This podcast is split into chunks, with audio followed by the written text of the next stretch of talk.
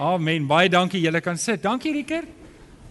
Hoorie, um ons hou een van die dae weer die 101.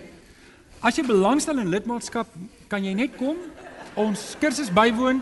Daar's net twee voorvereistes vir hierdie gemeente vir lidmaatskap. Jy moet 'n kind van die Here wees en jy moet ontdek 101 gedoen het. En dan so, ek sal vir jou laat weet volgende keer. Kan ek afslag op die 10des kry?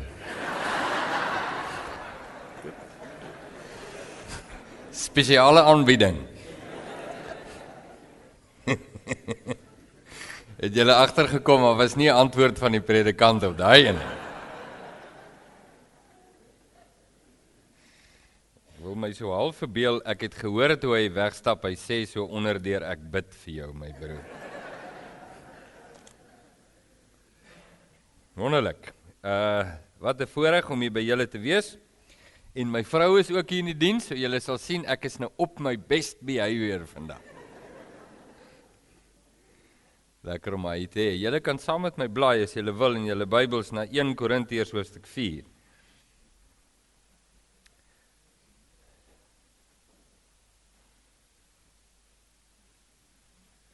Die gemeente in Korinte, baie interessante gemeente. Hulle uh die stad Korinte vergelyk baie met die stad Kaapstad, metropolitaans, mense van verskillende kulture en nasies by een hawe stad. Um twee dinge wat die gemeente in Korinte of die of die stad eerder gekenmerk het was 'n ongelooflike hoë immoraliteit en drankmisbruik. En dit was die twee dinge waarvoor die mense in Korinte baie bekend was, was vir hulle hoë immoraliteit, spesifiek seksuele onreinheid en argeologiese opgrawings het die ongelooflikste ontdekkings gemaak in hierdie area rakende hierdie stad en dan ook hulle hulle oorgawe aan drank. Die gemeente bevind hulle in hierdie gemeenskap en dit self is 'n gemeente onder ongelooflike krisis. Jy kan nie dink wat gaan alles hier aan nie. Ek dink dit is hoekom ek baie keer so 'n sagte plek het vir die gemeente in Korinte want dit herinner my aan baie gemeentes wat ek besoek.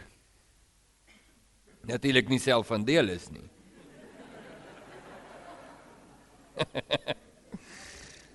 Hmm.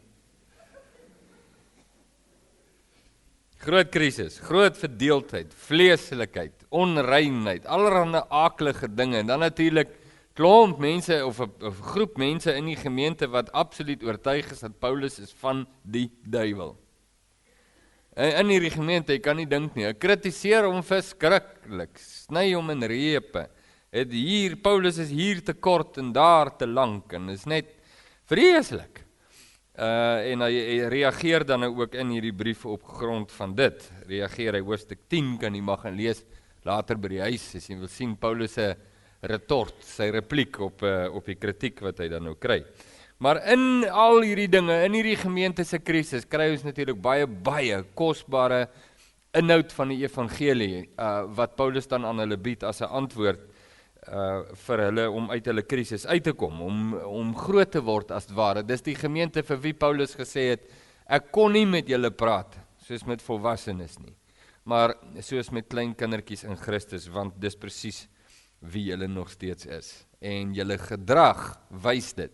Julle verhoudinge met mekaar wys dit. Die manier hoe julle vol kennis is, maar absoluut geen karakter toon nie, wys dat julle nog onvolwasse is.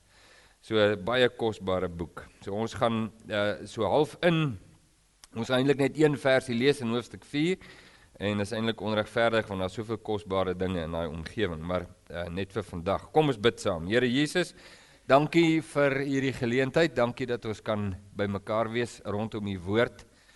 En ek besef hoe bedrieglik is 'n mens hart. Dit is baie maklik om u woord te buig dat dit ons pas. Ons bid dat u vir onsself die brood sal breek. Dat ons Jesus kan sien.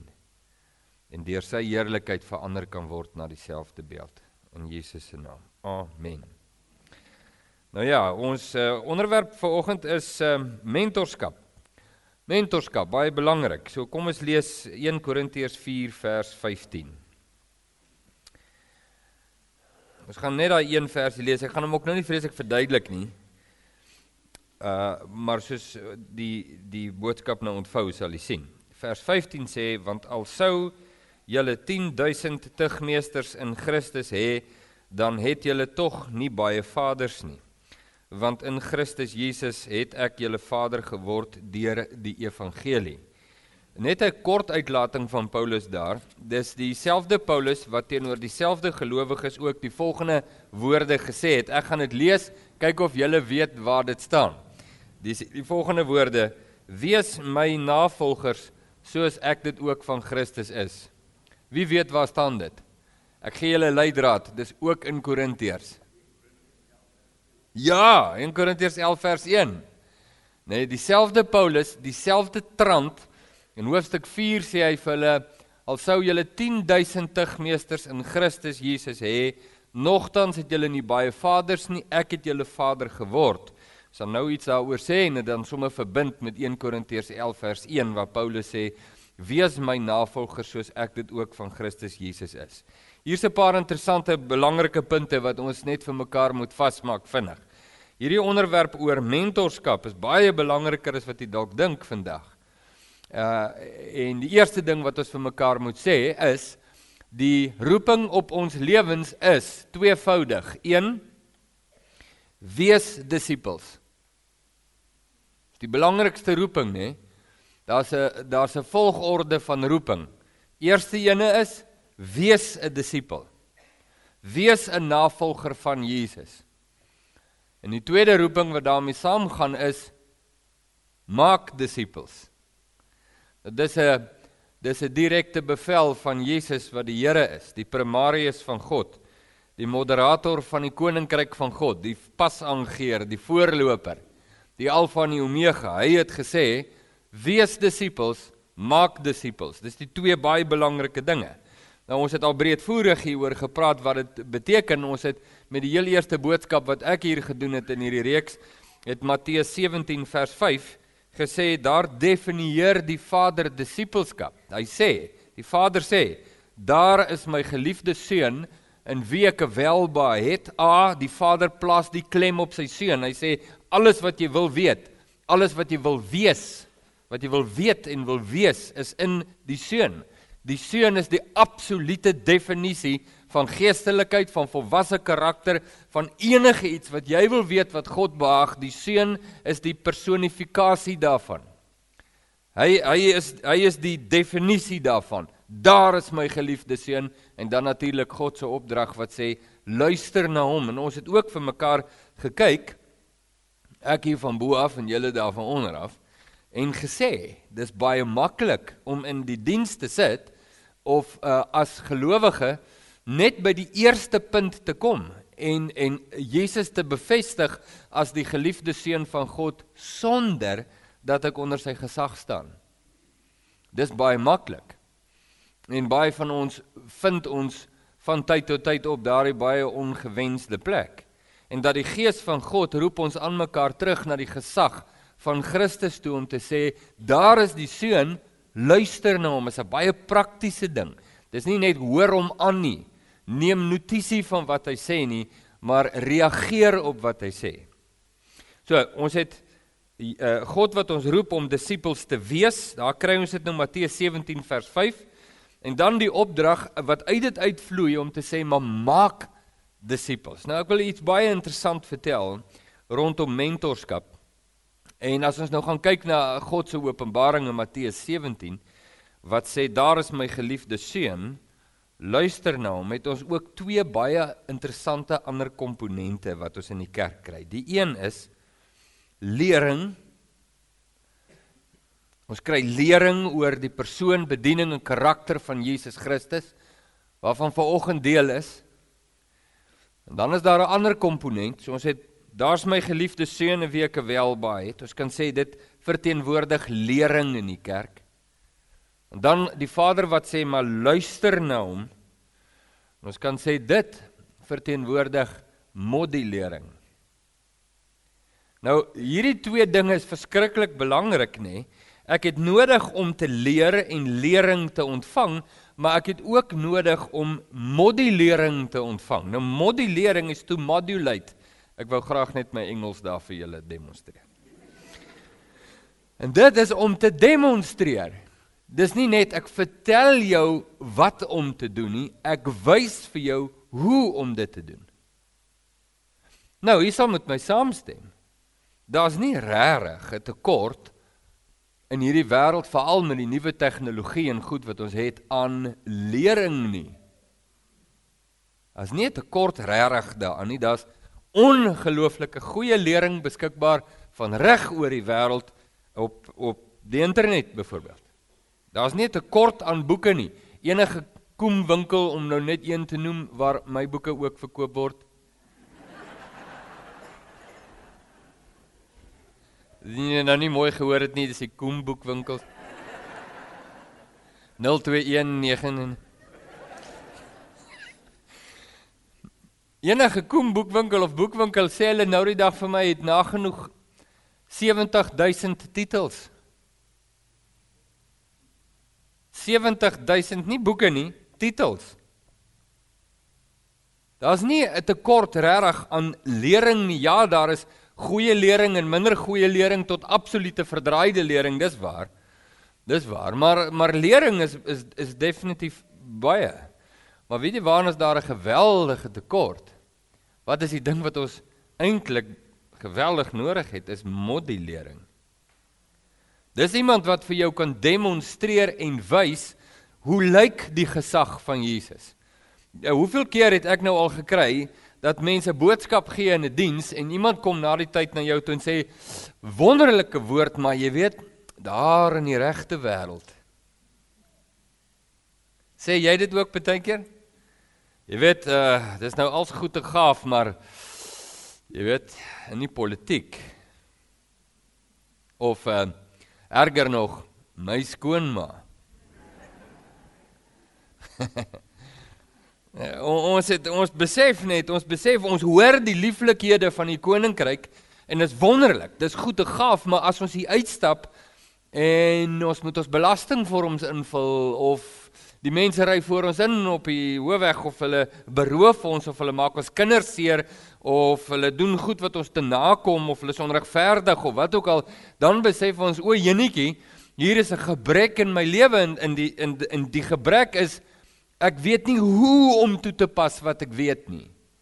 Ek verstaan nie hoe om dit te doen nie. Daar's 'n daar's 'n krisis by my. Ek het al vir julle die voorbeeld gegee van my buurman wat my bougainvillea stomp afsny 'n meter binne in my erf. Millie. Pisang. Sulke pastorale woorde wat by jou opkom. Skryf hom 'n prokureursbrief en sê vat weer aan my bougainvilleas. En ek kan jy dans tot in die hof. Ek kan dit doen hoekom nie? Die hof is daar vir dit. Die wet is daar vir dit. Maar weet jy wat is die die kwellende vraag in die situasie? Die kwellende vraag is wat sê Jesus hiervan? En na jare se in die bediening wees en teologie, moet ek daar staan met my koffie in my hand op die trappie en sê ek weet nie. Ek het nog nêrens in die Bybel iets oor bougainvilleas gelees nie. Ek is vol lering en lering is goed. Niemand maak lering af nie, maar dis nie genoeg nie. Jy het modellering nodig. Jy het iemand nodig wat nie net vir jou kan uitlig waar is Jesus se voetspore nie, maar hoe om daarin te trap. Om te sien hoe dit werk, om te sê, "Ah, dis hoe ek my vrou moet lief hê." Dis hoe ek my skoonma moet vergewe. Dis hoe ek moet reageer in 'n krisis waar alles onregverdig oor my is en almal my te nakom en ek die arme slagoffer is. Dis hoe ek moet opnou verstaan ek wat Jesus bedoel het toe hy gesê het. En ons het dit nodig en dit is waaroor mentorskap gaan. Weet jy wat is die verskil tussen 'n tugmeester en 'n vader? Paulus sê julle sou 10000 tugmeesters, al sou julle 10000 tugmeesters hê, nogtans is nou nie baie vaders nie. Die verskil is die een leer jou en die ander een modelleer aan jou. Daar is 'n ooraanbod aan mense wat jou kan leer. Daar is altyd iemand wat bereid is om vir jou te leer of uit te wys waar jy verkeerd of waar jy te kort of waar jy te lank. Maar daar is 'n geweldige tekort aan mense wat aan jou kan modelleer en kan demonstreer die karakter en gesindheid van Jesus Christus. En disippelskap gaan nie net oor lering nie, maar disippelskap gaan oor modellering om te wees. Daarom is die eerste roeping op die lewe van 'n disipel voordat jy geroep word om disippels te maak is wees een. Want hoe kan jy as jy nie een is nie, iemand leer om een te wees? Jy sien? Want dis 'n leefstyl, dis nie net kennis wat ek versamel in my kop nie. Dis nie net 'n boekie met drie lessies in nie. Dis iets ver meer as dit. Mense wil weet, hoe doen ek dit in die praktiese lewe van die lewe is prakties. Die lewe is nie 'n klaskamer nie. Kom ek voeg iets by en sê dit.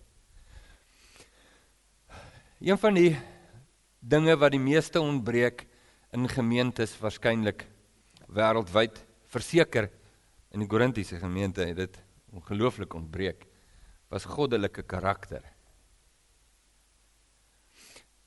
Die Korintiese gemeente was taamlik ingelig, soveel so dat Paulus aan hulle moes skrywe, onthou net uh broers, kennis maak opgeblaase. Maar liefde stig. En Paulus trek 'n baie duidelike lyn in die sand tussen karakter en tussen kennis. Kennis maak opgeblaase maar karakter, die karakter van Christus, dis die ding wat stigting bring.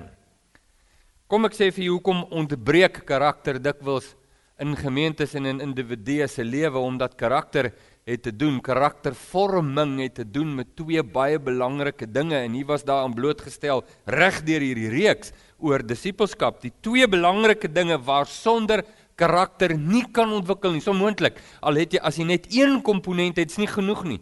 Jy moet al twee hê, hulle moet sinkroniseer. Die een is gehoorsaamheid en die ander een is tyd. Karakter ontwikkel wanneer ek aan God gehoorsaam is oor tyd. En oor tyd ontwikkel daar by my karakter, goddelike karakter, karakter goddelik is nie iets waarvoor jy kan bid nie. Jy kan nie sê Vader gee my die karakter van Jesus en dan deur 'n bonatuurlike werking van die Gees van God gee God in jou volwasse karakter nie. Jy geweet dit is nie hoe dit gebeur nie. Die belangrike ding hoe dit gebeur is Ek ek buig my knieë onder die gesag van Jesus. Wat ook al my skoonma, my vrou, my kinders, my vyande, die Bougainvillea knippers, die taxi bestuurders, die politiek, maak nie saak wie, waar en wat nie. Ek buig my knieë onder die gesag van Jesus en ek doen dit nie net een keer nie. Dis nie genoeg een keer nie. Want een keer is nie tyd nie. Ek het nodig om dit te doen een keer en twee keer en weer en weer en weer. En weer. En weer. Dit gaan 'n rukkie vat nog. En weer. En Jakobus sê ag dit loutere vreugde my broeders wanneer julle in allerlei versoekinge kom want julle weet dat die beproewing van julle geloof lydsaamheid bewerk maar die lydsaamheid moet staan in die Grieks mature sodat julle in niks gebrek mag hê nie En die enigste manier hoe ek karakter ontwikkel is deur onder hierdie gesag te staan en die roeping wat Jesus in my lewe plaas is 1 Korintiërs 11 vers 1: Wees my navolgers soos ek dit van Christus is. Die meeste mense kyk na Paulus jaloers oor sy posisie en voel maar hulle wil ook sulke kragtige bedieninge hê waar hulle preek en almal luister vir hulle want dit voel net ja, jy weet. Dit wat mense vir jou sê, ag, oh, kragtig en jy sê, "Ha, Dit was net die Here, dit was net die Here. Maar binne weet jy, o, oh, jy purr soos 'n kat.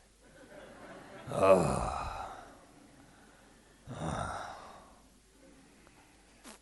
Paulus sê weet julle nie dat die krag van my bediening kom juist daarin nie dat ek julle net leer dat Jesus die enige gebore seun van God is, die geliefde van God nie, maar dat ek aan julle modelleer hoe lyk die karakter en bediening van Jesus.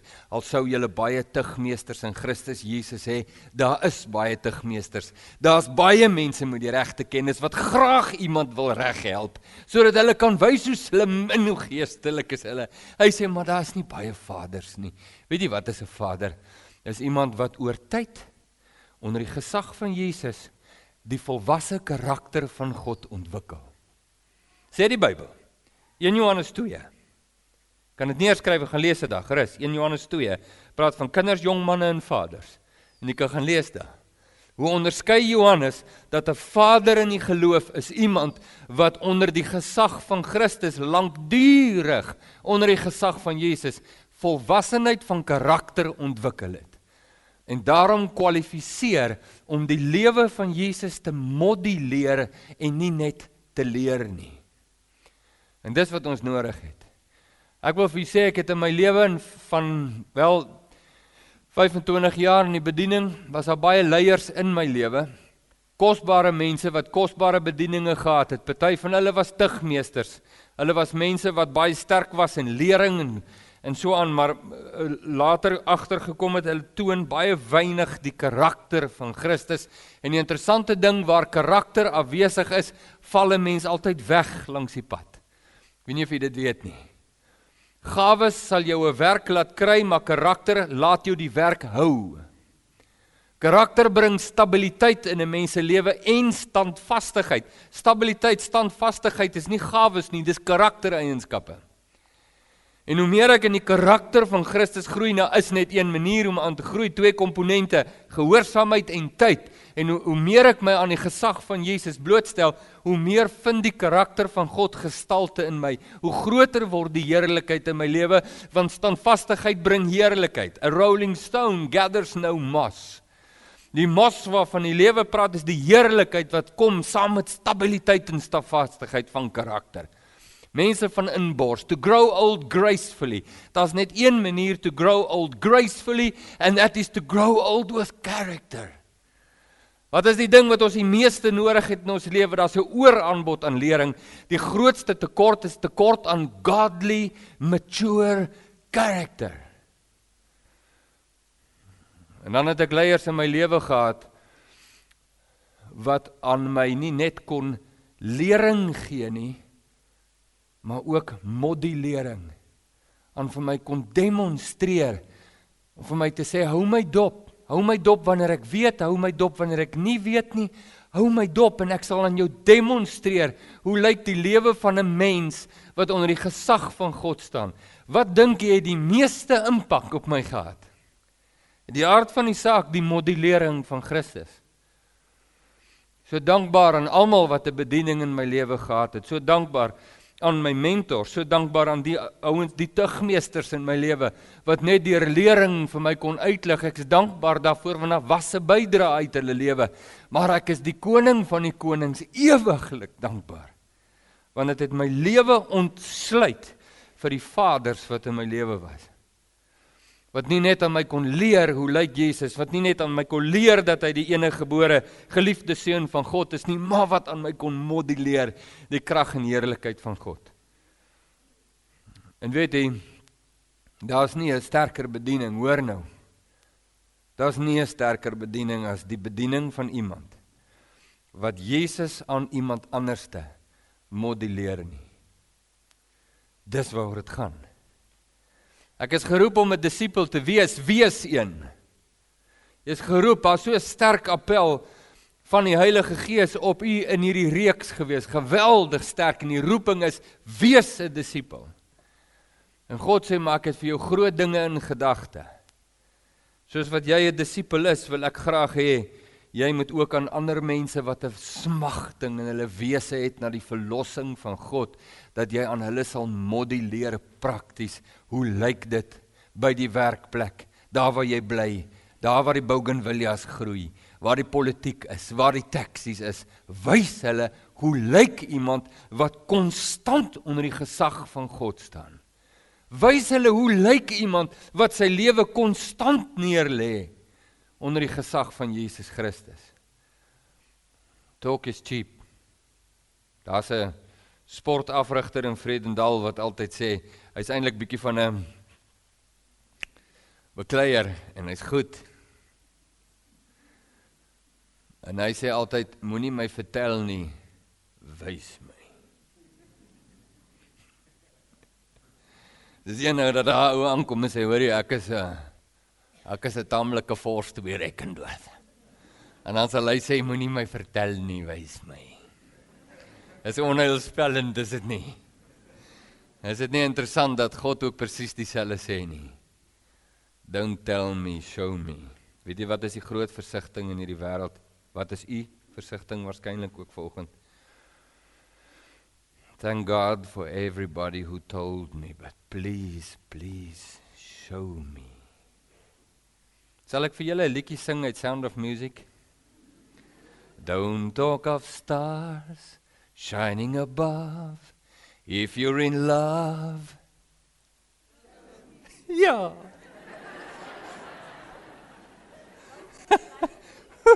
Ekskuus, het ek gesê Sound of Music, ek bedoel My Fair Lady. Is dit nie kragtig nie? Is dit nie kragtig nie? Die Here, ek het dit so nou, ek wil nou vir julle 'n mooi ding vertel dat julle dit verstaan. Wanneer sal ek nie meer nodig hê om die heerlikheid van God prakties geopenbaar te sien nie? Nooit nie. Dankie. Want dan beteken dit die antwoord op die volgende vraag moet dieselfde wees. Wanneer het ek nie meer 'n mentor in my lewe nodig nie? Nooit nie. Die wysheid wat van bo kom is ten eerste rein, dan vredelewend, dan vriendelik, dan geseglik. Geseglik beteken ek laat my vertel. En een van die kosbare eienskappe van iemand wat mature onder die gesag van God is sy onsaglike leerbare hart en gees. Is iemand wat graag wil leer, graag nie net wil leer soos in 'n klaskamer nie, maar graag wil sê wys my, demonstreer weer. Aha, regtig? OK, ek gaan dit nou doen, dan sê jy vir my wat doen ek verkeerd? Geseglikheid. Jakobus 3.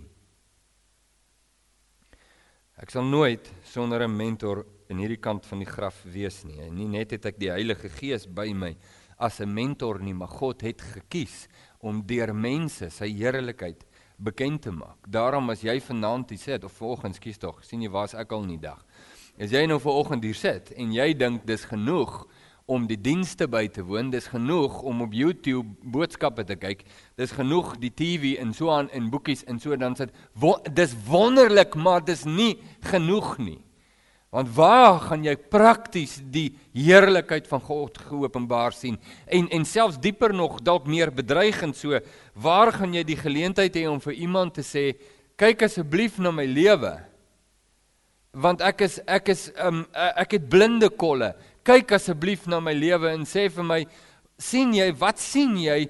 Waar is is ek nie gelykstaande of of onder die gesag van Jesus nie? Waar is ek nie aan hom gelykvormig nie? Ek het nodig om dit te doen. Ek het nodig om my hart vir my vrou oop te maak en sê sal jy my help kyk uh, asseblief. maar pas op, ek gaan jou ook help kyk.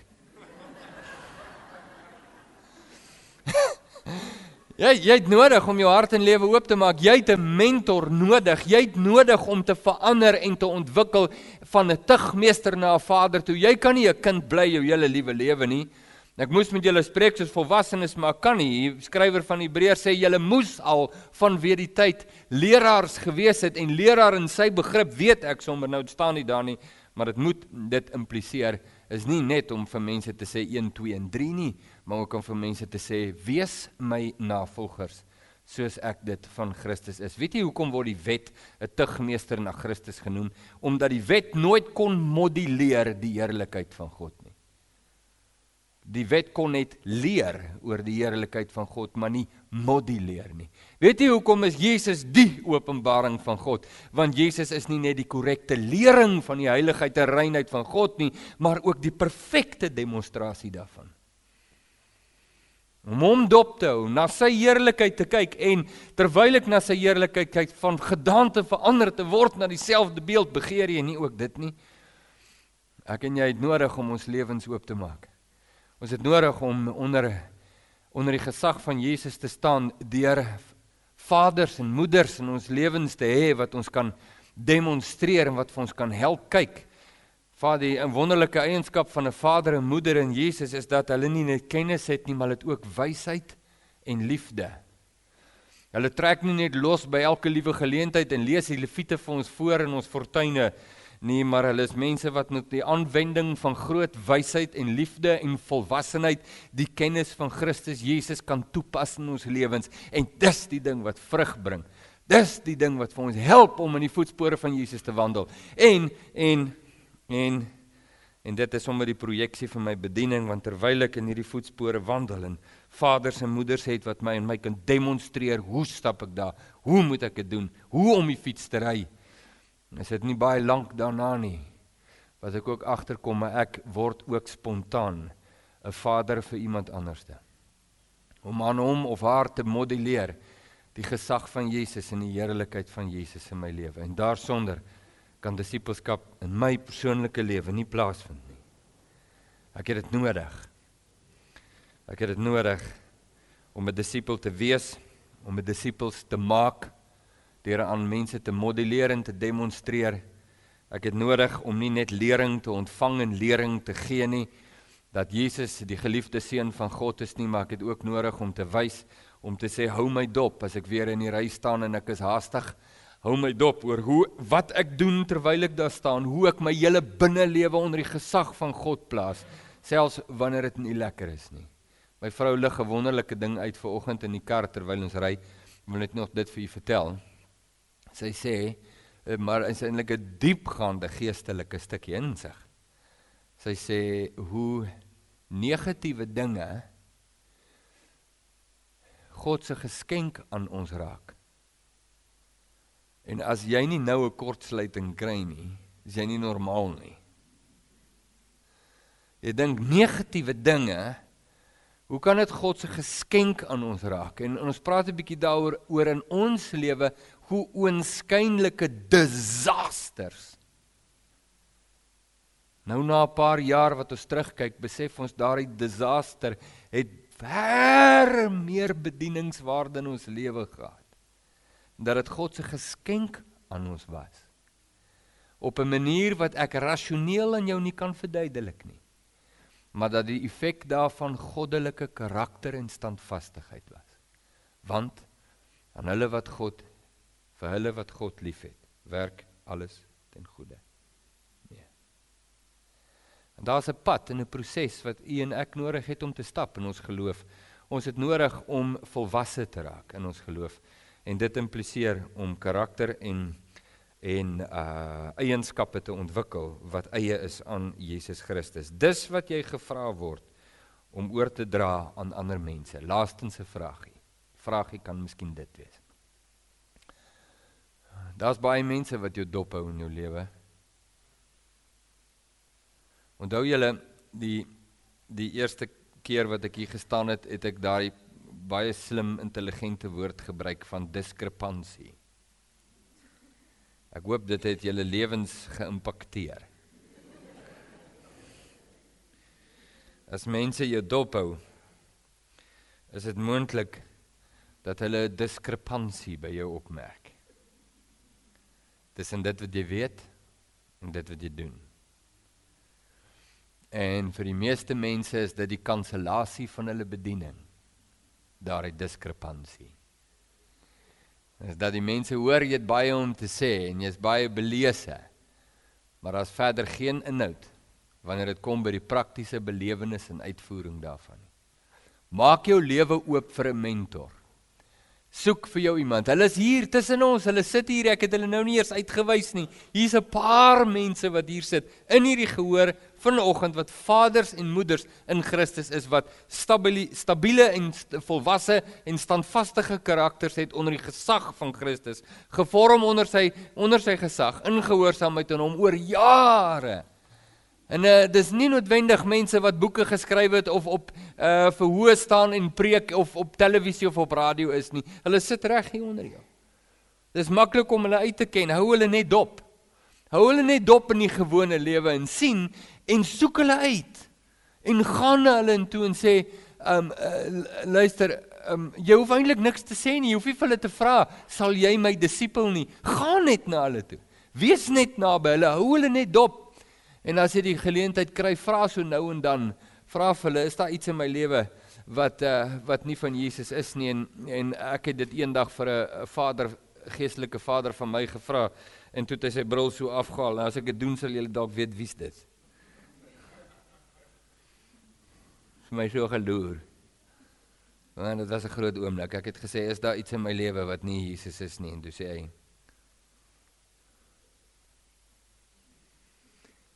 Ek gaan jou nie sê nie ons ken mekaar nog nie genoeg nie. Lank genoeg. Was vir my so kosbare volwasse uitlating om hom te sê is hy wat sê ja, daar's 'n paar goeters. Maar ons het nog nie die verhouding vir my om dit vir jou te sê nie. Weet jy wat is dit?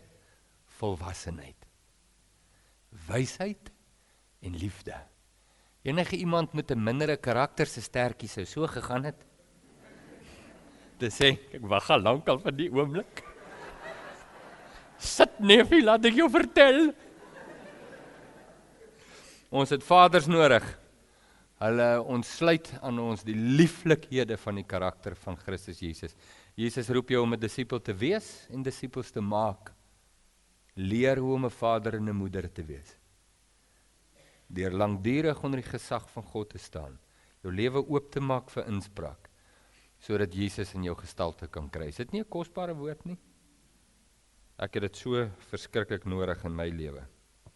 Kom ek bid saam met U. Here Jesus. Don't talk of stars shining above if you're in love show me. Hoe lieflik is daai woorde nie. En hier in ons harte weet ons die groter heerlikheid lê nie net in die teorie nie, die groter heerlikheid lê in die praktyk. Die groter heerlikheid lê daarin om U ontvou en openbaar te sien in ons alledaagse lewens. En ons het nodig om te leer hoe om u navolgers te wees. Here, ek bid vir my medebroers en susters in Jesus en soos wat ek ook vir myself bid is dat u ons oë sal oopmaak vir die vaders en moeders rondom ons. Dalk nie hoë profiel mense nie, is dalk nie mense met baie om te sê nie, maar hoe lieflik, standvastig, verlos en vry is hulle lewens nie mense wat daagliks moduleer, mense wat ons dalk nooit eers aan gedink het nie, maar daagliks moduleer hulle in hulle gewone lewe die gesag van Jesus en die lewe van 'n mens wat verlos en vry is. Hoe begeer ek Here om om so 'n mens te wees? Om so 'n mens te wees wat bloot deur sy lewe aan ander mense die heerlikheid van God kan openbaar. Nie net in my intellek en in my kennis nie, maar in my karakter Wanneer ek dopgehou word, selfs wanneer ek nie eers weet ek word dopgehou nie. Waar kan mense kan demonstreer en modelleer hoe lyk die lewe van 'n verloste? Verlos in my emosies, verlos in my persoon en my karakter, verlos in my menseverhoudinge en my gedagtes en my binnelewe. En my reaksies en my gesindhede, verlos vry, heerlik en volwasse. Ons het dit so nodig, Here Jesus. Mag dit nie gebeur. Mag dit nie gebeur. Dat volgende jaar hierdie tyd ons onsself in karakter op presies dieselfde plek vind nie. Mag dit nie gebeur nie. In Jesus se naam. Amen.